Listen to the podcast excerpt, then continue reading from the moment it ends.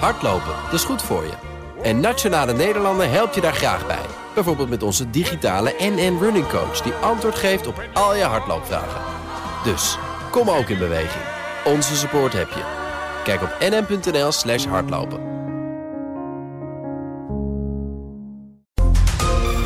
Heb jij de BNR-app al?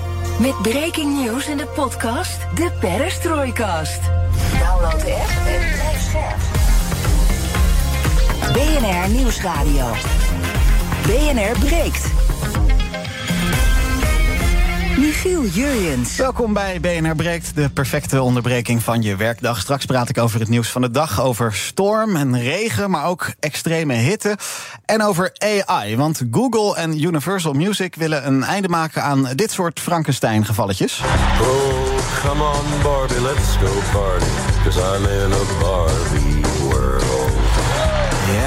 die twee willen een eh, tool gaan ontwikkelen samen... waarbij artiesten zich beschikbaar kunnen stellen voor dit soort grapjes. Maar ja, dat zou dus wel de business van creatievelingen aan banden kunnen leggen. Ga ik bespreken met mijn panel, bestaande uit Kasse Opdam... die is data-engineer bij Hunt Hackett. Goedemorgen. Goedemorgen. En met Carline van Breugel, politiek adviseur van de AOB... de Algemene Onderwijsbond. Goedemorgen. Goedemorgen. Je koptelefoon aan de praat? Werkt Nee, ik hoor niks, maar... Nou, ga ik misschien zo kort even met je meekijken als ik daar tijd voor heb. Want ja, ondertussen beginnen wij ook met BNR breekt. Breekijzer. En dat breekijzer heeft te maken met de top van de Amsterdamse politie. Die wil meer slagkracht hebben om criminaliteit rond drugshandel de kop in te drukken, meldt het Parool. Hoofdcommissaris Frank Pauw, hoofdofficier van Justitie René de Beukelaar en burgemeester Femke Halsema vragen om 200 extra specialisten. Die lobby van de politie blijkt al ruim een jaar gaande te zijn. Minister Jessilgus, demissionair minister Jessilgus moet ik zeggen, van Justitie en Veiligheid, heeft het ook al eerder aangehoord en ook formeel afgewezen.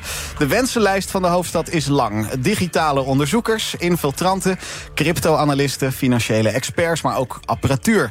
Drones, slimme camera's, forensische technologie, afluisterapparatuur. Alles bij elkaar zou het zo'n twee- eh, 27 miljoen euro gaan kosten. Ons breekijzer, de strijd tegen drugscriminaliteit, vraagt om veel meer dan 200 extra specialisten.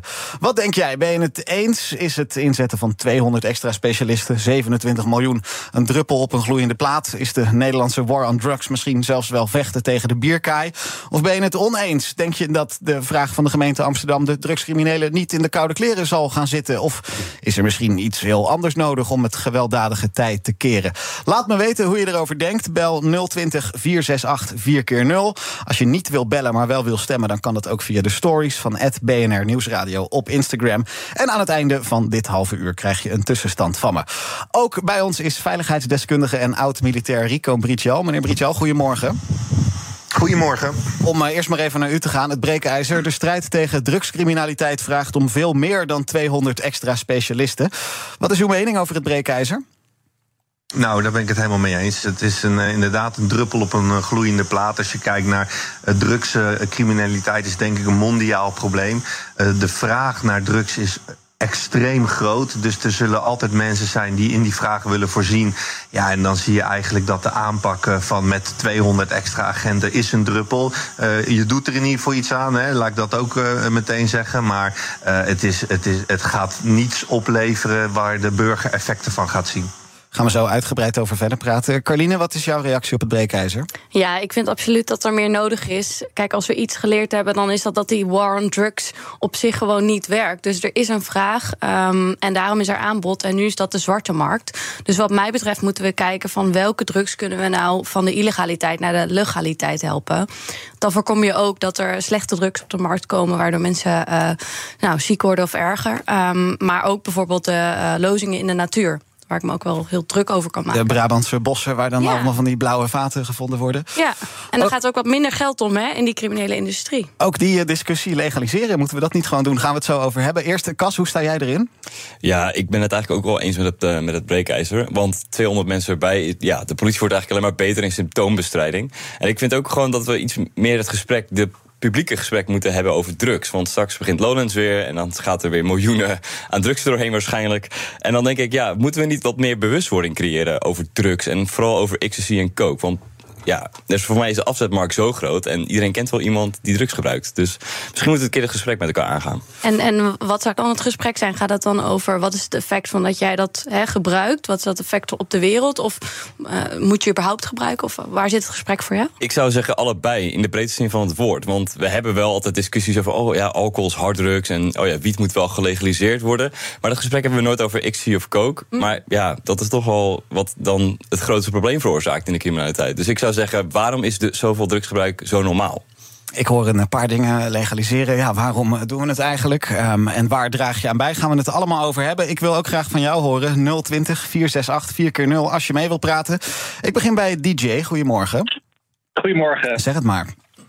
Uh, ik ben een 40-jarige Amsterdammer. En uh, voor de meeste mensen van mijn leeftijd is wel bekend dat uh, de helft van Amsterdam ongeveer op het weekend op ecstasy of coke of een dansfeestje staat. En in dat licht vind ik het zo naïef dat we allemaal uh, de mond vol hebben van Ridouan Tagis die er niet zouden moeten zijn. Ik bedoel, die vraag die hebben we zelf gecreëerd. Dus daar zou ook uh, volgens mij het antwoord moeten liggen. Duidelijk, dank voor het bellen. Ik ga naar eh, Fred van der Laar. Fred, goedemorgen. Goedemorgen met Fred uit Den Bosch. Ik ben het gedeeltelijk eens met de stelling. Gedeeltelijk? Is, ja, het is zo, er is een tekort aan personeel. Er worden regelmatig politieagenten ontslagen. En uh, vandaag weer een justitieel medewerker van uh, gevangenis De Peel. En da, je komt niet aan zoveel personeel. Een ander punt is, 100 man kun je vinden in samenwerking gecertificeerde ICT-bedrijven. 100 man. 100 man en vrouw kun je vinden in ICT-bedrijven. En die kunnen met name die cryptotelefoons ontcijferen. En zij kunnen een heleboel doen. Uh, je kunt dus een groot gedeelte van je werk uitbesteden. Wel onder toezicht. is inderdaad ook onderdeel van die lobby. Inderdaad, ja, crypto-analisten die die berichten kunnen ontsleutelen. Dank voor het bellen. Mo, goedemorgen. Hey, goedemorgen. Zeg het maar. Um, ik ben het... Uh ja, niet, ik ben het eens met de stelling dat er meer nodig is dan alleen de experts. Zoals ik al net uitlegde aan Leen. Um, drugs gebruiken is ook over het algemeen het ontvluchten van dingen in je leven. En als je een slechte standaard van leven hebt en drugs is nou eenmaal goedkoop, ja, dan is dat de manier om toch te ontsnappen eraan. Als wij de standaard omhoog halen van iedereen in Nederland, is er ook minder drang om het te doen, om het zo te zeggen. Tuurlijk, de controles moeten wel goed zijn en alles moet kloppen. Maar ja, als mensen geen, geen zin hebben of niet het nodig hebben om zichzelf in de drugs te storten vanwege de problemen, dan ga je een groot gedeelte ook zelf zo op die manier oplossen, lijkt mij. Duidelijk, dus iets aan de vraagkant eh, doen. Dank voor het bellen. Je kunt meepraten 020 468 4 keer 0 Eerst even om een beeld te krijgen van hoe groot dit probleem nou is in Nederland. Eh, meneer Britjal, ja, aantallen noemen dat is moeilijk, maar hoeveel drugs komt er nou, nou op een doorsnee donderdag zoals vandaag ons land binnen? Nou, dat is inderdaad niet te zeggen, want we weten het gewoon niet.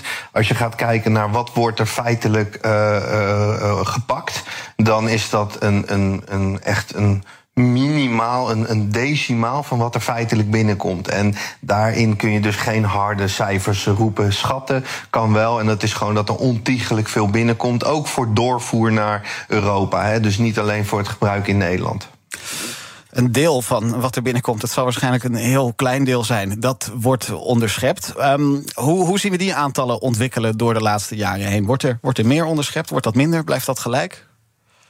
Nou, ik, ik denk dat het wel grofweg gelijk blijft. Je ziet wel dat, de, uh, dat soms de, de vangsten aanzienlijk groter zijn. Maar wat mij dat zegt, is dat aan de andere kant daar dan dus ook meer binnenkomt. Het is een gegeven dat criminelen, en dat zag je ook voorheen in die traditionele drugsmokkel via vliegtuigen, dat, die, uh, dat, dat er soms wat mensen werden weggetipt, maar dat, dat er 20, 30 andere de smokkelaars gewoon doorliepen. En dat is een beetje hetzelfde met dit. Hoe meer, eh, hoe groter de vangst is die je pakt, weet je eigenlijk aan de andere kant ook dat er meer is binnengekomen. We zagen in eh, Rotterdam tot nu toe alleen al dit jaar 105 explosies. Afgelopen nacht was het nog raak, gisteren ook. In Amsterdam gisteren nog twee explosies. Is dat allemaal drugsgerelateerd geweld, denkt u? Um, ik denk een groot deel wel. Uh, omdat uiteindelijk uh, drugs is toch een van de belangrijkste inkomstenbronnen. Omdat die vraag zo enorm hoog is. De andere kant is dat het soms ook met afpersing te maken heeft van andere zaken. Criminelen die een, uh, een dispuut uitvechten. Die een stukje markt willen claimen van dingen. Het is, het is niet altijd alleen maar aan drugs te relateren. Maar wel heel vaak. Ja, ja, ja. en gaat het dan om, om, om cocaïnehandel? Of zijn het ook andere drugs? Nou, je ziet eigenlijk dat er best wel veel verschillende uh, drugsoorten nu samenkomen. Voorheen was er echt een scheiding tussen de, de cannabis en de, en de, um, uh, de, de softdrugs en de harddrugs. En je ziet dat steeds meer criminaliteit daarin vermengen. Er was vroeger echt een ander type crimineel bezig in de uh, softdrugs dan in de harddrugs. En daar zie je nu dus, dus die samensmelting plaatsvinden. Ja, ja, ja, dit soort acties, die, die ontploffingen of granaten die voor de deur van een, van een zaak worden gelegd. Gebeurt het ook dat dit soort acties verijdeld worden? Of is er eigenlijk niks tegen te doen? Nou, dus zeker. Er wordt echt wel wat vereideld. En eh, met name op het moment dat je een leverancier weet te pakken van die explosieve. Kijk, de politie die heeft daar uh, echt wel oog voor. Want wat gebeurt er? Je gaat dodelijk geweld naar de woonwijken uh, halen. Dat is wat we eigenlijk nu zien gebeuren. En dat is het, dan heb je echt te maken met een groot probleem. En daar moet je dan ook alles op inzetten. Dus als je een leverancier pakt, dan zorg je er eigenlijk weer voor dat er misschien voor een aantal weken even een aantal van die aanslagen vereideld zijn. Maar we weten ook ook, er stappen weer nieuwe leveranciers op. Dus uh, ook daar is het een behoorlijk uh, gevecht tegen de bierkei. Um, dan even naar ja, hoe het binnenkomt. Um, die drugs, waar komt dat vandaan? Is dat allemaal uh, het, het, typische beeld, de, de bananen uit Zuid-Amerika? Nou, er komt heel veel uit. De landen die produceren, dat is, uh, dat is veelal in Zuid-Amerika. En dan krijg je nu verschillende routes die het uh, naar uh, de, bijvoorbeeld de Rotterdamse haven brengen. Antwerpen is natuurlijk ook bekend.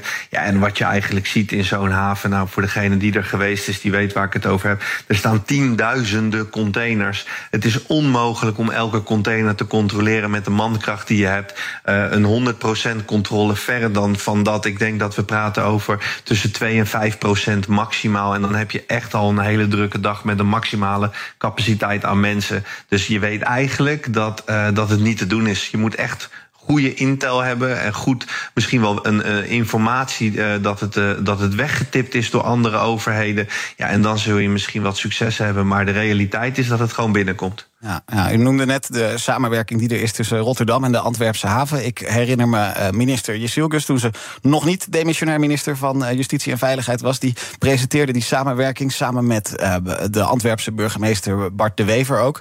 Um, dat is nu een tijdje aan de gang. Is het succesvol, die gezamenlijke aanpak? Ja, ik vind dat altijd heel moeilijk te zeggen. Kijk, uh, elke uh, gram die van straat wordt gehaald kun je een succes noemen. Uh, maar uiteindelijk ben je de wedstrijd met 10-0 aan het verliezen. En uh, dat is een beetje de uitdaging. Het is zo omvangrijk dat het lijkt alsof een vangst succesvol is, maar de realiteit is dat het dat helemaal niet is. We houden het eigenlijk in stand. En dat is wat, uh, wat, waar je met alle mankracht, alle middelen die er net genoemd zijn, van drones tot en met de infiltranten, dat ga je gewoon niet realiseren. Want op het moment dat je die lijn oprolt, dan zijn er weer twee nieuwe lijnen die geopend worden. Ik uh, zie mijn panelleden stevig geknikken hier in de studio. Uh, Carline, word je hopeloos als je dit soort dingen hoort? Nee, ja, ik, ik, wist dit wel. En ik word meer hopeloos van het feit dat we eigenlijk in het frame blijven van we moeten uh, repressie, repressie er tegen vechten en de kop indrukken. Terwijl daar zoveel geld om gaat dat het ons helemaal niet lukt. En ik zou gewoon heel graag zien dat we serieus gaan onderzoeken van nou, wat kunnen we nou legaal maken? Want als je kijkt naar hoe schadelijk bijvoorbeeld alcohol voor ons is versus MDMA, dan vind ik het heel gek dat we dat gesprek niet eens lijken te kunnen voeren. Um, en dat is wat mij betreft een, grote pro ja, een heel groot probleem in überhaupt uit deze discussie komen. Mag ik daarop reageren?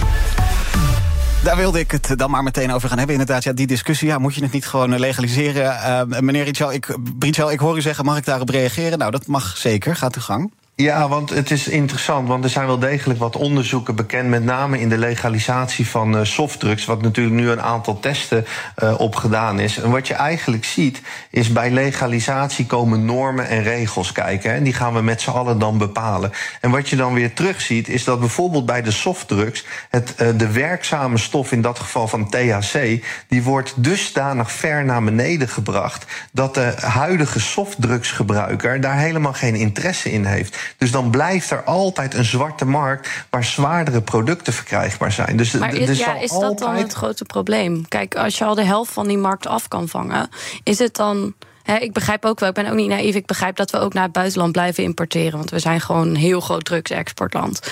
Maar is het dan erg als we een deel van die markt in ieder geval uit die handen kunnen halen?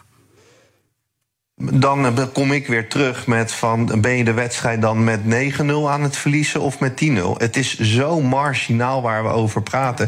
De drugsproblematiek is zo groot al tientallen jaren in onze maatschappij mondiaal verweven. Dat we uh, met legalisatie zie je eigenlijk dat dat eenzelfde druppel op een gloeiende plaat is. Dat wil niet zeggen dat je het niet moet doen. Hè? Ik bedoel, elk, elk beetje helpt. En je laat toch ook zien wat het moraal is dan wat je als land wil gaan, uh, gaan tentoonspreiden. Maar de andere kant is, we moeten geen illusie hebben dat dat uh, het, het, het, het, gouden ei is. Maar er staat wel gewoon onderzoek ook tegenover. Kijk, e-, enerzijds dat hè, een blootje halen doe je echt wel bij de koffieshop in de basis. Er zullen altijd mensen zijn die het ergens anders zoeken, maar in de basis bij de koffieshop. Anderzijds ook dat uh, mensen echt wel geïnteresseerd zijn in bijvoorbeeld ecstasy, die gewoon getest is en uh, waarbij je weet wat je koopt. Dus is het een druppel om te groeien praat? Nee, het is misschien een, een emmer, maar het is niet genoeg, maar het is een goed begin. Een begin is het zeker. Ik praat met eh, Rico Britschel, veiligheidsdeskundige en oud-militair. Ook met uh, Carline van Breugel, adviseur van de Algemene Onderwijsbond. En met Cas Opdam, data-engineer bij Hunt Hackett. En we praten over ons breekijzer van vandaag. Dat breekijzer leidt de, luidt de strijd tegen drugscriminaliteit... vraagt om veel meer dan 200 extra specialisten. Je hebt nog een minuut of zeven om te bellen naar 020 468 4 keer 0 Jeroen, goedemorgen. Hoi, goedemorgen Michiel. Zeg het maar. Hi, ja, uh, ik pak even de telefoon erbij. Graag. Uh, ja, uh, nou, ik ben het eens. Ehm, maar ik ehm, zie veel meer een scheiding tussen soft en hard. En ik zou graag zien dat marihuana is gewoon een, een plant, net als tabak. dus maak dat legaal. maar heroïne, cocaïne, acid, speed, weet ik veel allemaal wat. Ja, die zijn gemaakt van dezelfde chemische stoffen waarmee je de wc ontstopt. En dat, zou, dat moet verboden worden. Duidelijk, dank voor het bellen. 020 468 4 keer 0 Ik ga het zo aan, aan meneer Britschal ook voorleggen... of daar nog een nou ja, verschil in te zien is. Frodo, goedemorgen. Ja, goedemorgen. Uh, ja, hey, men moet gaan tuinieren. Uh, serieus. Met tonieren uh, maak je allemaal oxytocine aan. Dat zijn allemaal van die chemische neurotransmitters. Ook als je met dieren knuffelt, met dieren gaat werken of in de natuur gaat wandelen. Uh, dat klinkt belachelijk, maar wij hebben een samenleving die gewoon totaal los staat van natuurlijke gelukstofjes aanmaken. We hebben zo'n soort kunstmatige samenleving dat we ook met kunstmatige middelen onze hersens en ons lichaam blij willen maken. En ik denk dat we daar meer op eh, een andere maatschappelijke inrichting... Uh, dat het heel veel gaat schelen qua drugsgebruik en criminaliteit. Dank voor het uh, bellen. Um, meneer Britschel, wat er net gezegd werd door uh, Jeroen... een onderscheid maken tussen aan de ene kant de softdrugs... dus ja, cannabis en de, de harddrugs, de heroïne, de cocaïne, de speed... aan de andere kant. Kunnen we een deel van dit probleem oplossen door nou ja, de, de softdrugs... dan toch maar helemaal legaal af van dat gedoogbeleid... waar het via allemaal omwegen gaat? Is dat een goed idee? Ja, ja, ik vind het sowieso, een, dat is een beleid van niks. Want je gaat de voordeur ga je, ga je uh, controleren, maar de achterdeur niet. Het wordt gewoon, die wiet die uh, in de koffieshop landt, die uh, wordt gewoon in een woonwijk geteeld. Dus in die zin denk ik dat daar veel betere structuren voor te vinden zijn dan wat er nu is. Dan ga je een discussie krijgen over wat schadelijk voor je is. Hè. En iedereen snapt echt wel dat harddrugs schadelijker is dan softdrugs in mate.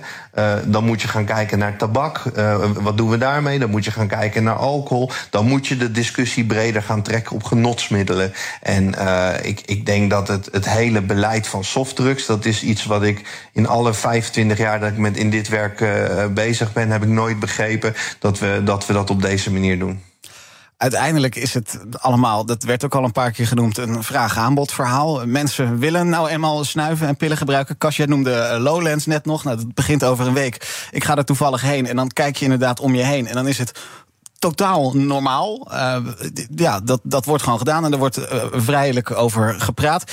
Is er een manier, vraag ik ook even aan mijn panel, aan Kas bijvoorbeeld, die, die vraag naar drugs in Nederland?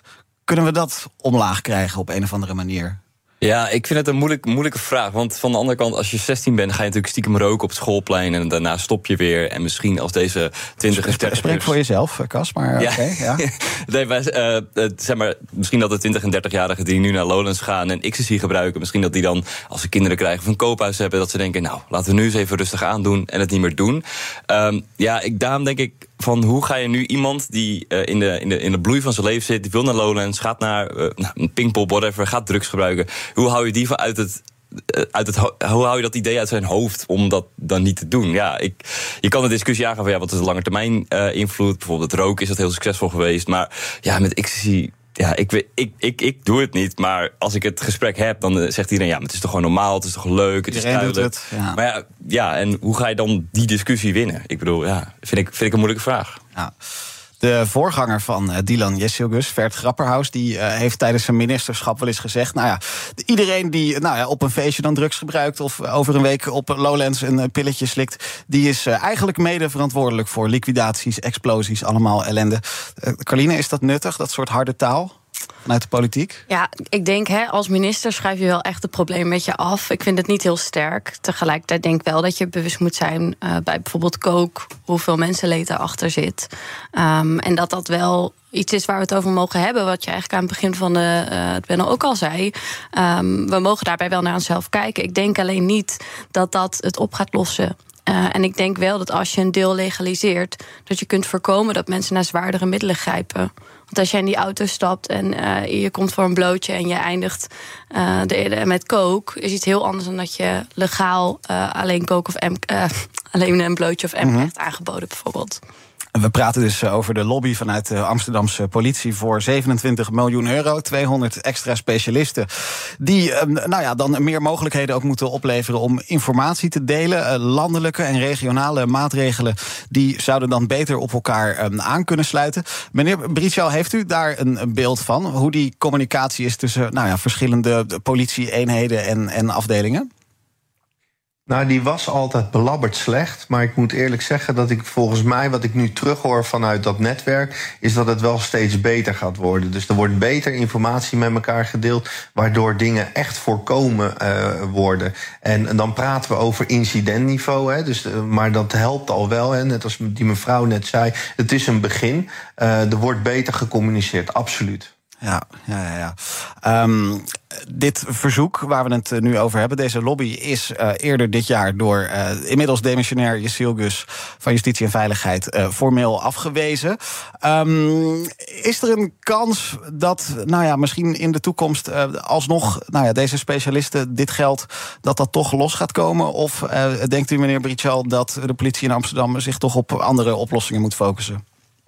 Nou, in alle eerlijkheid denk ik dat dit soort berichtgeving in de media altijd blijven bestaan. Die vanuit de politie de, de wereld in worden gestuurd. De enige reden is om meer druk te zetten op het ministerie om toch geld uh, vrij te maken. Het belang uh, van de burger wordt hiermee gediend. En dat is uiteindelijk ook het, het doel van, uh, van de politie om meer geld naar zich toe te krijgen. En zo'n minister, ja, die zit gewoon met een beperkte pot aan geld. En die moet dat verdelen op een bepaalde manier. En daar zijn dan afspraken over gemaakt. Dus de lobby om geld vindt eigenlijk altijd plaats via dit soort berichten.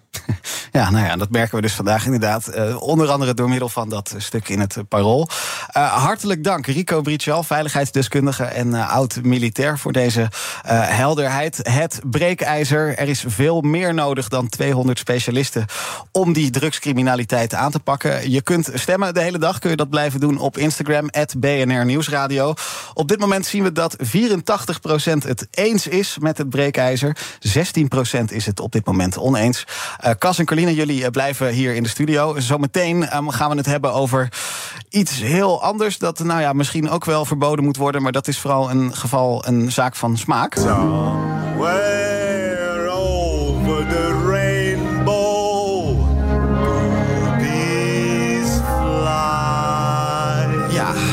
Arnold Schwarzenegger, die Somewhere Over the Rainbow aan het zingen is. Of nou ja, hij is het niet echt aan het zingen. Het is natuurlijk AI die ervoor zorgt dat Arnold Schwarzenegger dit ineens aan het zingen is. Universal Music en Google die willen samen een tool gaan maken waarbij de oorspronkelijke artiesten toch geld voor dit soort misschien wel mixbaksels kunnen vragen. En we gaan het hebben over Virgin Galactic, want straks vertrekt de tweede toeristische ruimtevlucht van Richard Branson. Ziet mijn panel zichzelf binnenkort ook in zo'n commerciële raket zitten? Je hoort het allemaal zo in BNR Breekt. Hardlopen, dat is goed voor je. En Nationale Nederlanden helpt je daar graag bij. Bijvoorbeeld met onze digitale NN Running Coach... die antwoord geeft op al je hardloopvragen. Dus, kom ook in beweging. Onze support heb je. Kijk op nn.nl slash hardlopen. Duik mee in de wereld van ESG. Dit seizoen verkennen we hoe bedrijven hun strategieën rond duurzaamheid vormgeven. Ontdek de nieuwste innovaties in energietransitie en de impact van waterstof. Wie zijn de ware koplopers in duurzaamheid? Ik ben Donatello Piras, presentator en samen met Roetoei brengen we koplopers in ESG. Elke maandag om twee uur te horen op BNR Nieuwsradio. Dit programma wordt mede mogelijk gemaakt door Missie H2. Samen maken we Nederland het waterstofland in 2030.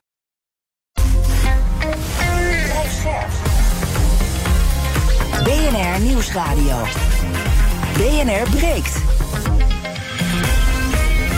Michiel Jurjens. Met vandaag in mijn panel Cas Opdam, data-engineer bij Hunt Hackett... en Carline van Breugel, politiek adviseur van de AOB... de Algemene Onderwijsbond. En we praten verder over het nieuws van de dag.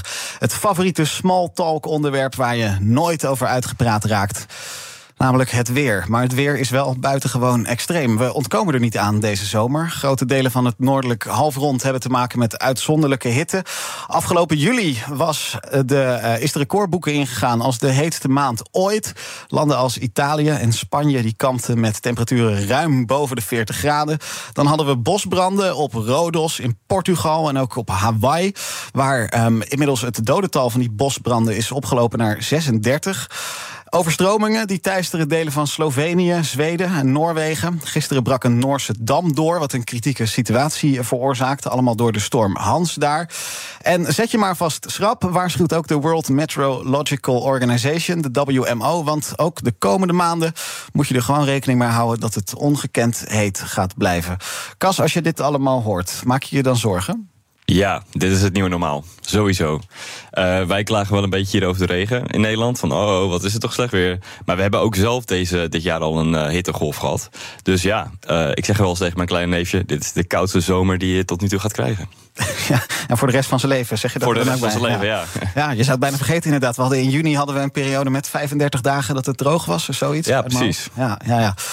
Um, Carline, maak jij je zorgen als je dit soort berichten hoort? Ja. Denk je ook, ja, uh, we moeten er maar aan wennen? Nee, ik vind het een heel groot probleem. En ook omdat we eigenlijk weten dat als we broeikasgassen niet verder terugbrengen, dat het alleen nog maar erger gaat worden. Um, en die urgentie, die mist voor mijn gevoel een beetje. Als in, ik vond dat we goed bezig waren uh, op het gebied van uh, nieuwe energie. Maar goed, nu zijn we als kabinet weer demotionair. En dan is het weer de vraag wat er voor terugkomt. En of we dan echt in durven zetten op uh, nou, beleid wat ertoe doet en, en waardoor we het verschil kunnen maken. Um, ja, je ziet daarin ook gewoon dat jongeren best wel worden vergeten. Want het gaat wel over hun toekomst. En mensen denken gewoon, ja, ik zit mijn tijd wel uit. Ja, ja dus, en dan, dan hoor je dat in je omgeving ook echt. Het is een onderwerp dat speelt. En Sterker nog, ik hoorde het bij een van de bellers hier. Ja. Dus we hadden het hier als breekijzer. En het was gewoon een van de bellers die zei... ja, weet je, ik zit mijn tijd wel uit. Toen dacht ik ook van, dat kan toch niet? Ja. Eh, Je ziet het ook een beetje in de mentaliteit na COVID. Kijk, tijdens COVID mocht helemaal niks. En toen zag je ook dat de wereldwijde CO2-uitstoot omlaag ging. Maar nu na COVID, iedereen gaat weer lekker naar een Middellandse Zee-eiland. Gaat weer lekker op vakantie, lekker vliegen. En zeg maar, de, me- de mentaliteit is er nog steeds Ja. niet. Het is natuurlijk ook heel moeilijk om, als het kan, het niet te doen. Ehm, dus ik denk ook dat het gewoon echt vraagt om overheidsbeleid, eh, Europees, maar ook zeker in ons eigen land. En wat voor eh, overheidsbeleid dan? Nou ja, bijvoorbeeld gewoon eh, geen eh, kolencentrales. Period. Om maar iets, eh, om maar iets Ja, te om maar gewoon één ding te noemen. En gewoon meer hergebruik van producten afdwingen. Producenten verantwoordelijkheid geven in hoe ze hun product ontwikkelen. Modebedrijven die gewoon hele textielstapels hebben. Gewoon keihard aanpakken. Ik, ik vind dat gewoon heel bizar dat dit onder onze ogen gewoon gebeurt. Ja, maar ik hoor je net zeggen, de, de, de urgentie mist. Het, eh, ja, mensen het staat misschien niet zo hoog op de agenda. Maar ja, we hebben het er iedere dag voor ook over. Ook Ja. nu op dit moment in de media en weer. Ja, dan is er toch heel veel urgentie, zou je denken. Nou, de urgentie is heel groot. Alleen we handelen er niet naar. Dat is wat ik, eh, wat ik bedoel te zeggen. Dus eh, ja, we zijn allemaal van bus, staat in de krant. Maar toch brengen we nog die vakantieganger in beeld die zijn vakantie teniet ziet gaan. Terwijl daar allemaal mensen gewoon dakloos zijn geworden. Ja, ja Kas, de zweep erdoor bij eh, kledingbedrijven, vliegtickets vier keer zo duur maken. Moeten we dat soort dingen nu toch maar echt gaan doen? Ja, wat mij betreft wel. Je hebt bijvoorbeeld ook het idee om statiegeld op kleding te hebben. Nou, doe dat eens een keer. Ik bedoel, eh, dat, kijk wat, wat dat doet aan de hele stapel aan katoen die elke dag wordt weggegooid. En ook eh, hoe ga je ja, de, de financieel mindere, mindere mensen helpen? Want dat zag je bijvoorbeeld ook in Londen. Er zijn binnenkort natuurlijk weer verkiezingen daar, of lokaal. En dat ging heel erg over die klimaatzone in Londen. Die wordt groter en dat, ja, dat raakt vooral de wat sociaal-economische lagere klassen. En hoe ga je die ontzorgen van dit klimaatbeleid? En, eh, want je wilt niet dat de lasten weer bij eh, de sociaal armen leggen, maar juist bij de mensen die het al goed hebben. En die juist veel vliegen of die juist veel eh, CO2-impact hebben op de wereld. Reisorganisatie TUI voorspelt dat steeds meer toeristen naar noordelijk gelegen landen, zoals Nederland, zullen trekken. In plaats van Spanje en Italië, waar het nou ja, heter en heter wordt. Eh, Carline, begrijp je dat? Dat mensen hun vakantieplannen aanpassen aan het eh, weer. Ja. Ja, dat, dat lijkt me wel ehm, ja, aannemelijk. Ja. Ja, ja dus de Spanje, Italië, Zuid-Frankrijk, dat eh, vind je zelf ook minder interessant worden. Nou, ik, ik ben sowieso wel bewust met vliegen. Dat ik dat gewoon zo min mogelijk wil doen. En ik denk dat het mooie zijn als we daar allemaal naar kijken. En niet alleen maar hè, naar eh, hoe is het weer. Maar ook kunnen we er bijvoorbeeld met de trein komen. Ja, ja, ja. Allemaal toeristen die naar Nederland komen, Kas, dat kan toch ook een voordeel zijn? Die komen hier geld uitgeven. Het levert weer BTW op, is toch mooi? Ja, zeker. Ja. En laten we dat geld dan investeren in groene investeringen. Want eh, ja, ik, er moet wat gedaan worden. De, de urgentie, ja, Caroline zei het al, het ontbreekt gewoon. En het is alleen maar mooi als wij nog meer geld gaan verdienen. Maar we hebben het geld al, althans eh, relatief gesproken. Laten we dan eens een keer gaan naar handelen. En ehm, ja, ik denk dat het alleen maar mooi, mooi is dat wij eh, meer toeristen krijgen. Ja, ik bedoel, eh, maar dan niet, liever niet in Amsterdam, maar... Nee, en oké.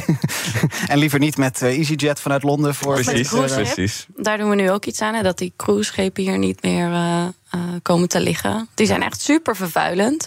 Dus je kan ook kijken naar vormen van toerisme. Kijk, stel mensen komen naar Nederland voor toerisme en het is hier minder vervuilend, dan is dat ook weer een bijdrage. Dus je kan eigenlijk op heel veel vlakken kijken naar eh, wat je voor klimaat kunt doen. Ja, ja, ja, ja.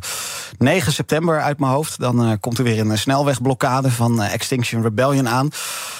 Maakt dat nog indruk, dat soort eh, protesten? Absoluut. Het groeit elke 100%, keer. Ja. ja. Ik ga denk ik zelf ook wel heen. Ja? Ja, ik Ja. bedoel, eh, dat is, dit is het enige onderwerp waar je nou nooit iets over hoort van... oh, we hebben nu een wet aangenomen, een grote klimaatwet... die dit, dit en dit betekent voor iedereen. Dat, dat is er gewoon nog niet. Er is geen, of alle, alle fossiele, eh, fossiele belastingvoordelen voor Shell.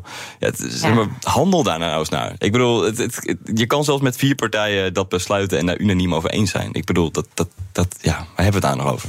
Cas Opdam, data-engineer bij Hunt Hackett... en Carline van Breugel, politiek adviseur van de AOB. Op 9 september allebei te vinden op de A12 in Den Haag. Althans, Cas, jij zei dat, maar... eh, Ja, ik denk dat ik er ook ben. Ja. Jij bent er ook bij. Nou, dat wordt een gezellige boel, eh, die 9 september. Een nieuwe single van je favoriete artiest horen terwijl hij of zij is overleden. Iets heel anders. Zogenaamde deepfake liedjes komen steeds vaker voor. Met het gebruik van AI kunnen stemmen van artiesten worden gebruikt om andere of hele nieuwe nummers te maken. Er is een YouTube-kanaal, grote aanrader, dat heet Dare I Ruined It. Heeft tientallen van dit soort liedjes gemaakt. Eh, Denk bijvoorbeeld aan Johnny Cash, die postuum liedjes van de Spice Girls zingt, maar dan op de melodie van de Folsom Prison Blues. If you wanna be my lover, you gotta get with my friends. Make it last forever. Friendship never ends. I put my hands up to play my song. The butterflies fly away. Carline, jij moet eh, heel hard lachen. Waarom moet je hier zo hard om lachen? Ja, ik vind het echt heel komisch. Ja. Nou, dan moet je dus op YouTube even gaan kijken naar eh, Dare I Ruined It. Kun je je heel lang mee vermaken. Maar er zit ook wel een serieuze kant aan. Want ja, het zou je gebeuren als artiest. Ja, Johnny Cash die kan er niks meer van vinden. Maar er zijn ook eh, artiesten die zien het gebeuren. Drake bijvoorbeeld, die zijn hier helemaal niet blij mee. Volgens de Financial Times overwegen Google en Universal Music nu om samen een tool te maken waarmee artiesten dan hun stemmen beschikbaar stellen met hun toestemming en dan ook tegen betaling, zodat ze er zelf ook een beetje van profiteren. Cas, is dat een goed idee? Ja, ik denk dat we. Ik ga toch weer even een spreekwoord erin gooien die al benoemd is, deze, deze, deze radioshow. Namelijk, het is wel een druppel op de groeiende plaat. Ah, ik bedoel, daar is die weer. Als je Ja. kijkt eh, in het verleden, eh, bij de, vooral bij, in de hip-hop of bij elektronische muziek, is dat ze veel sampling gebruiken. Dus nemen een stukje of een bepaalde beat uit een bepaald nummer en die recyclen ze in hun eigen liedje. Soms wat anders, soms één op één. Nou, in het begin was dat ook een hele heisa van, oh, dat kan helemaal niet, bla bla bla. En er werden ook wel dit soort licentiedeals gesloten. Maar nu, als je, ja, gooi je muziekje aan, gooi iets undergrounds aan... en je, ziet, je hoort het nog overal dat wordt gesampled. En ik zie zo'n AI-stem van de bekende artiest een beetje in hetzelfde licht. Ik denk dat dat wordt gebruikt voor kleine dingetjes in muziek... voor misschien voor wat adlibs of whatever. En dan heeft het wel een leuk, leuk toegevoegde waarde. En dan, ja, hoe, hoe wil je dit ooit gaan reguleren? Hoe, wil je dit gaan scannen op het internet dat dit gebeurt? Ja, ik ik, ik zie vooral een, een, eh, een, een, een hele honger, een geldhongerige Universal Music die zoveel mogelijk wil reguleren en geld wil pakken op eh, wat ze al doen met streaming of eh, andere zaken. Ja, Carline, ik zie jou klikken. Moet, knikken. Moet Universal gewoon niet zo moeilijk doen en dit omarmen juist? Nou, kijk, ik denk het idee om eh, te kijken naar hoe kun je nou die stemmen be- beschermen. Want ik denk echt wel dat hè, zingen nog iets anders is dan een beat. Eh, ook omdat je stem gewoon heel persoonlijk is en voelt ook. Ook voor mijzelf overigens, ik zing ook. maar ehm, dat eh, je daarnaast moet opletten dat dit soort bedrijven het niet ten goede van zichzelf gebruiken. Wat je zegt, dat zij er heel rijk van worden. Dat zij iemands stem kopen. Eh, hoeveel betaal je dan voor zo'n stem? En is er dan ook nog wel vraag naar nieuwe artiesten als ze eenmaal een batch artiesten hebben? Of zijn we dan klaar en, en ja, stopt het hele beroep te bestaan? Ik eh, ga je niet vragen om een stukje te zingen, maar ik heb het wel gehoord dat je eh, dat zei. Ehm, nou ja, stel, eh, jij wordt gebeld door Universal. Eh, Carline, we willen jouw stem in onze AI-database gooien. En als dat liedje dat dan ontstaat, nou, dat levert eh, 100 dollar op. En nou, wij pakken de helft en 50 gaat naar jou. Zou je dan zeggen, oké, prima, pak mijn stem maar en maak er wat van? Nee, nee, nee, ja, je stem is, is wie je bent.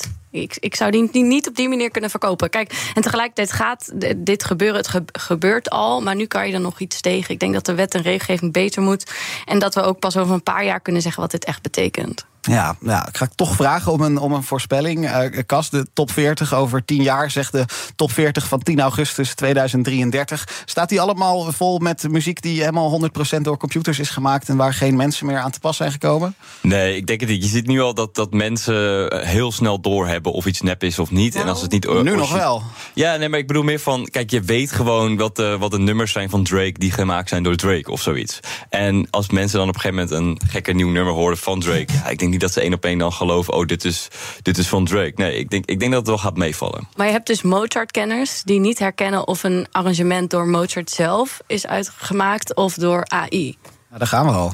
Ja, maar dat is hetzelfde als, als die beat. Zeg maar, dat is, muziek is iets anders dan een stemgeluid, toch? Maar ja, nee, het is wel echt anders. Maar het gaat wel al heel ver of zo. Dus ik ben zelf al bang dat het over vijf jaar moeilijk te onderscheiden is. Ehm, nog even als we het wat breder trekken, de ontwikkeling van die generatieve AI. Eh Carline, is dat nou iets eh, moois bovenal of is het bovenal iets heel engs? Oh, ja, moeilijke vraag. Ik denk dat het heel ondersteunend aan ons kan zijn. Maar ik denk wel dat we uh, veel actiever moeten zijn in, in regelgeving hiervoor opstellen. Want anders loopt het helemaal uit de hand. Hardlopen, dat is goed voor je. En Nationale Nederlanden helpt je daar graag bij. Bijvoorbeeld met onze digitale NN Running Coach... die antwoord geeft op al je hardloopvragen. Dus, kom ook in beweging. Onze support heb je. Kijk op nn.nl slash hardlopen. Duik mee in de wereld van ESG. Dit seizoen verkennen we hoe bedrijven hun strategieën rond duurzaamheid vormgeven. Ontdek de nieuwste innovaties in energietransitie en de impact van waterstof. Wie zijn de ware koplopers in duurzaamheid? Ik ben Donatello Piras, presentator en samen met Roetoei brengen we koplopers in ESG. Elke maandag om twee uur te horen op BNR Nieuwsradio. Dit programma wordt mede mogelijk gemaakt door Missie H2. Samen maken we Nederland het waterstofland in 2030. BNR breekt. Carline, jij wilde het hebben over zogenaamde traditional wives, thread wives. Ja, dat klopt. Wat is een thread wife? Nou, een thread wife is eigenlijk een vrouw die zichzelf uh, ziet als um, huisvrouw, uh, maar ook als ondersteunend aan de man, huisvrouw. En het is eigenlijk een uh, rechtsextremistisch gedachtegoed, waar het ervan uitgaat dat vrouwen eigenlijk in die rol moeten blijven bestaan en zijn. Zich daarna moeten voegen. Uh, bijvoorbeeld uh, starten ze White Baby Challenges. Om zoveel mogelijk witte baby's te maken. Roepen ze White Baby. Challenges, ja. oké. Dus daar zit eigenlijk gedachtegoed achter van... Hè, de mensen nemen onze wereld over... en wij moeten meer witte kinderen met blauwe ogen maken. Um, en daardoor is iets wat onschuldig lijkt. Hè. Ze hebben vaak ook hele leuke jaren 50 kapsels en zo. Uh, zijn heel de dag gaan bakken. Um, ja, toch gezellige filmpjes ja, op TikTok. Het is ja. allemaal hartstikke vrolijk. Ja, en, best wel uh, aannemen. Vrouwen die heel gelukkig zijn met hun uh, leven thuis. Ja, maakt dat eigenlijk toch iets best wel grimmigs. Ook als je kijkt naar dat. Zij willen dus terug naar die tijd eigenlijk, waarin genderrollen duidelijk waren. Maar er zijn natuurlijk heel veel mensen, eigenlijk alle mensen van kleur, maar ook alle mensen die zich ofwel met gender bezighouden, die zich misschien niet helemaal thuis voelen in eigen gender, transgender zijn, non-binair zijn, die hier volledig buiten vallen. en ook überhaupt zijn zij tegen alle woke dingen zoals de LHBTIQ plus gemeenschap. Um, ja, precies. Want bij Threadwife uh, hoort natuurlijk dan ook de Threadman. En ja. daar zit, uh, als het aan die beweging ligt, niks tussenin. Ja, en als je man dus om vier uur s'nachts graag wat wil eten, dan ga jij gewoon je bed uit en dan ga je dat maken. Want jij wil gewoon dat je man een uh, gelukkig en gemakkelijk leven heeft. Zover gaat het. Mijn vriendin lacht me keihard uit als ik ja. dat soort dingen zou vragen. Ja. Je zou ook kunnen denken dat, dat als, als een vrouw ervoor kiest, nou ja, ik hoef niet per se een carrière na te streven. Ik ben hartstikke gelukkig thuis, fulltime moeder. Prima, moet je toch zelf weten? Ja, en daar maak je een heel belangrijk punt. Want dit is eigenlijk hè, een tegenbeweging op een feministische beweging waarbij mensen bijna moeten zijn gaan uitleggen als, als ze dus kiezen voor het huismoederschap. En ik vind dat niet oké. Dat is altijd een keuze van jezelf. Um, en je moet gesprekken over kunnen hebben met je partner. Hè, uh, hoe je dingen verdeelt. En dat is iets privés. Alleen. Um, motiveren dat iedereen weer in zo'n cultuur stapt waarin de vrouw ondergeschikt is aan de man. Um, en waar deze dus ook, he, hij is van extreem rechts, maar hij sluit ook steeds beter aan bij de groep mensen die uh, ook zijn van uh, not quitting, zeg ik dat goed. Dus uh, jongeren die stellen: ik ga niet meer werken dan ik hoef te doen. Mm -hmm. en dit begint met elkaar te mengen. Dus uh, je ziet dat daardoor eigenlijk die rolpatronen meer vestigen. En ik, ik maak me daar wel echt zorgen over. Ja, en zo zie je een uh, bredere beweging achter de vrolijke filmpjes... waarin uh, iemand Precies. een taart aan het bakken is. Ja. Um, Cas, jij wilde het hebben over iets totaal anders. Een grote cyberaanval ja. in het Verenigd Koninkrijk. Wat is er aan de hand? Ja, de Britse kiesraad is gehackt. En de oh. hackers die hadden toegang tot 40 miljoen, uh, 40 miljoen uh, stemmers. En de, informatie, de persoonlijke informatie van die 40 miljoen stemmers. En ze, hadden ook in, uh, ja, ze konden ook de e-mail inzien van de hele kiesraad. En ze konden de database inzien waar de politieke donaties inzichtelijk waren. Dus dat is een vrij grote hack. Die ook zelfs in het Britse media niet zoveel aandacht heeft gekregen als dat het zou moeten krijgen. Want 40 miljoen mensen, dat is twee derde van de hele Britse bevolking. Ja. En ja, ik, ik ik las dat artikel. Ik dacht, yo, dat, dat is echt vrij bizar. Het is een mega hack. En eigenlijk zou je de kiesraad moeten zien als vitale infrastructuur. Dus ik dacht, hoe is het bij ons geregeld? Nou, wij, hebben, wij kunnen onszelf op de schouder uh, kloppen. Want we hebben uh, een kiesraad die zich elk jaar laat auditen door een extern IT-bedrijf of consultancybedrijf. En dan laten ze dus de software testen. Dus een netjes rapport elke, elke, elk jaar op de blog gezet. Ja. Kun je dat gewoon mooi lezen, helemaal leuk. Maar ik dacht, wacht even, dit is niet de enige overheidsinstelling die dat, die dat doet of, of kan. En uh, de, bijvoorbeeld, je had laatst de hack van de gemeente Hof van Twente. En toen was dus, konden de hackers in de servers van die gemeente, ja. omdat het wachtwoord welkom 2020 was. en uh, toen dacht ik, hey, er is nog een heleboel mis in de, in, bij heel veel overheidsdiensten, of het nou gemeentelijk is, of een kiesraad of whatever. Dus ja, ik dacht bij mezelf, waarom wordt hier niet actief op gemonitord? Er is namelijk wel, even spieken, de Nationaal Cybersecurity Centrum. Die ja. werkt samen met partijen die vitale infrastructuur uh, uit, ja, uh, beheren. Samen om die IT-systemen te beveiligen. Nou, dat is al prima en je kan wel verwachten dat dat goed geregeld is. Maar ik denk ook dat je moet gaan kijken naar gemeentes, nou, politie, uh, whatever. Alle andere, andere overheidsdiensten. En die moeten, zouden eigenlijk actief moeten gecontroleerd worden door een overheidsinspectie. Ja. Dus dat viel mij op. Ja, um, voorlopig uh, toch maar uh, stemmen met potlood. 22 november, is dat dan beter? Ja, dat is zeker beter. Kijk, dat, voor mij gebeurde dat ook in het Verenigd Koninkrijk. Maar de uitnodigingen werden verstuurd via een IT-systeem. Ja. En ja, ik, ik zou altijd. Nou ja, uh, ik bedenk me nu ook onze stempassen die we dan. Ja, dat zal ergens in oktober zullen we die krijgen. Dat ja. gaat keurig naar je huisadres met je naam en alles erbij. Dus ja, ook ja, ergens. En, de, en dat wordt beheerd door de ook gemeente. ergens in een database, ja. Ja, dus daarom zouden gemeentes ook actief moeten geaudit worden. Kijk, misschien dat gemeente Amsterdam dat wel doet, of gemeente Rotterdam, maar ja, Hof van Twente dus blijkbaar niet. En uh, we moeten, dat, moeten daar echt wel op waken, want we hebben blijkbaar niks geleerd van de Amerikaanse verkiezingen in 2016, waar het overduidelijk was dat de Russen uh, de overheid hebben gehackt. Ja, ja. Moeten we ons zorgen maken richting 22 november dat het kan gebeuren dat straks ook namen en adressen van, nou ja, hoeveel stemgerechtigden zullen we in Nederland hebben?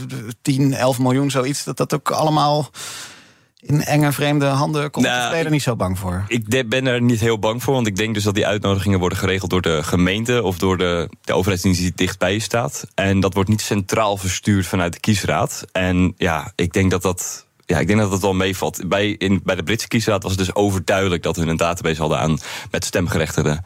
Dus. Uh, Nee. Dit verhaal over de Britse kiesraad is te lezen bij The Guardian. En ik vergat ook helemaal te zeggen, sorry daarvoor, Carline, de Treadwives. Dat is te lezen in de Volkskrant, toch? Deze week het verhaal daarover, yes. inderdaad. Dan gaan we eens even kijken naar wat er trending is op de social media. Nou, uiteraard hashtag Ecuador. Daar is uh, gisteravond lokale tijd, vannacht was het bij ons... presidentskandidaat Fernando Villavicencio doodgeschoten... na een campagnebijeenkomst in Quito, de hoofdstad.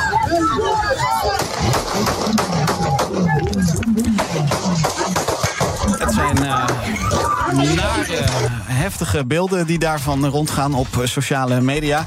Drie dagen van nationale rouw in Ecuador. De noodtoestand is uitgeroepen in het land. Vooralsnog gaan de verkiezingen, die staan gepland op 20 augustus... volgende week zondag wel gewoon door. De vermoedelijke schutter is om het leven gekomen. Wie er achter de aanslag zit, is nog onduidelijk. Meer verdrietig nieuws. Robbie Robertson, gitarist en zanger van The Band, is overleden. Kenden we bijvoorbeeld hiervan. Just feeling about half past dead. Just need to find a place where I can lay my de band. Het is een uh, beetje van voor onze tijd. Ik denk dat ik dan voor ons alle drie spreek. De muziek yes. van de band. Nee? nee? ik, vind het, ik vind het onwijs goed. Ik vind vooral het album wat ze hebben gemaakt met uh, Bob Dylan... vond ik echt uh, geniaal. De Basement Tapes. Ze waren enorm populair in de jaren 70. Dank voor de tip, Kast. De Basement Tapes over de doodsoorzaak van Robbie Robertson is nog niks bekend. Hij was wel op leeftijd, hij was 80 jaar. Dan ook nog even naar een hashtag boete. Want Twitter, dat tegenwoordig X heet... mag 350.000 dollar gaan betalen omdat het bedrijf weigerde om mee te werken aan het onderzoek van de speciaal aanklager Jack Smith. Die onderzoek doet naar president Trump, oud-president Trump moet ik zeggen, en zijn pogingen om de verkiezingen van 2020 toch in zijn voordeel uiteindelijk te laten beslechten. Twitter ging in hoger beroep. Dat hoger beroep werd afgewezen. Het is nog even afwachten of Twitter wel of niet wil gaan meewerken aan dit hele onderzoek. Ze hebben nog niet gereageerd. Twitter uh, wilde hier niet aan meewerken, zo blijkt uit die rechtbankdocumenten in eerste instantie, omdat ze uh, Donald Trump, de oud-president, niet op de hoogte mochten stellen van het verzoek om dus dat Twitter-account door te kijken. Is dat een standpuntkast dat jij begrijpelijk vindt van Twitter? Ja, 100%.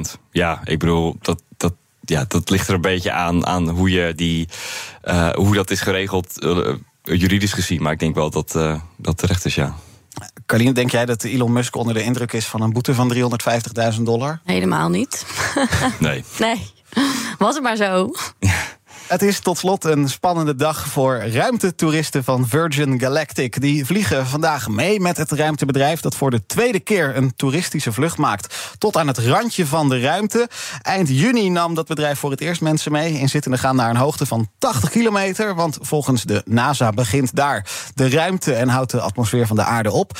Ruimtevaartdeskundige Rob van den Berg die schetste vanochtend op BNR in de ochtendspits hoe dat voertuig eruit ziet. Het is een heel apart vliegtuig om te zien met twee rompen. En daartussen hangt dan dit raketvliegtuig. Uh, het geheel vliegt naar 15 kilometer hoogte. En daar word je dan echt gedropt uh, met je raketvliegtuig. En die gaat als een speer omhoog om dan dat randje van die ruimte aan te tikken. Carline, een uh, ruimtereisje met Virgin Galactic. Iets nee, voor jou? Joh, ik, ik word hier echt pissig van. Waarom? Ik, ja, omdat ik denk, we, we zitten zo met dat, met dat milieu. We hebben het er net nog we over het er net over gehad. Ja. En uh, we weten allemaal dat vliegen gewoon een groot probleem is dat zo'n organisatie dan gewoon inzet op elektrisch vliegen. Of ik weet niet hoe beter vervoer mogelijk maakt. Maar nee, we sturen mensen naar het randje van de aarde. De vorige keer waren er tenminste nog onderzoekers bij. Maar nu is het gewoon een Het is gewoon voor de lol. Ja, nee. Ik, ja. ik trek dat niet. Ja, Kas, daar ja, mijn, sluit jij mijn aan, innerlijke nerd die wil toch al stiekem oh, stiekem, weten. Stiekem toch wel, hè? Ja, sowieso. Ja, ja, ja. ja, het is toch, ik ben toch nieuwsgierig. En als het dan toegankelijk is, waarom niet? Ja, ja, ja het is ja, wel heel je, slecht, I know. Maar. Je zit dan op die 80 Ja. kilometer en je gaat dan toch even... Ja, je zwaartekracht is weg en zo. Ja, Ja, dat is meemaken. Ik, ben- ik kan je, ben je een soort van vis of zo in, het, eh, in de lucht. Dat is geweldig. Ja, dat is ook wel weer zo. Het is bijna 12 uur. Tot zover. BNR breekt voor vandaag. Met heel veel dank aan mijn panelleden. Cas Opdam, data-engineer bij Hand Hackett. En Carline van Breugel, politiek adviseur van de AOB, de Algemene Onderwijsbond. Morgen is BNR breekt er weer. Dan de politieke versie met twee statenleden, steden, statenleden uit Overijssel. Tot die tijd kun je BNR volgen via de socials, YouTube, Instagram, Twitter, dan wel X. Net wat je wil. Zometeen hier BNR Zaken doen met Thomas van Zel. Tot morgen. Hardlopen, dat is goed voor je. En Nationale Nederlanden helpt je daar graag bij. Bijvoorbeeld met onze digitale NN Running Coach... die antwoord geeft op al je hardloopvragen. Dus, kom ook in beweging. Onze support heb je. Kijk op nn.nl slash hardlopen.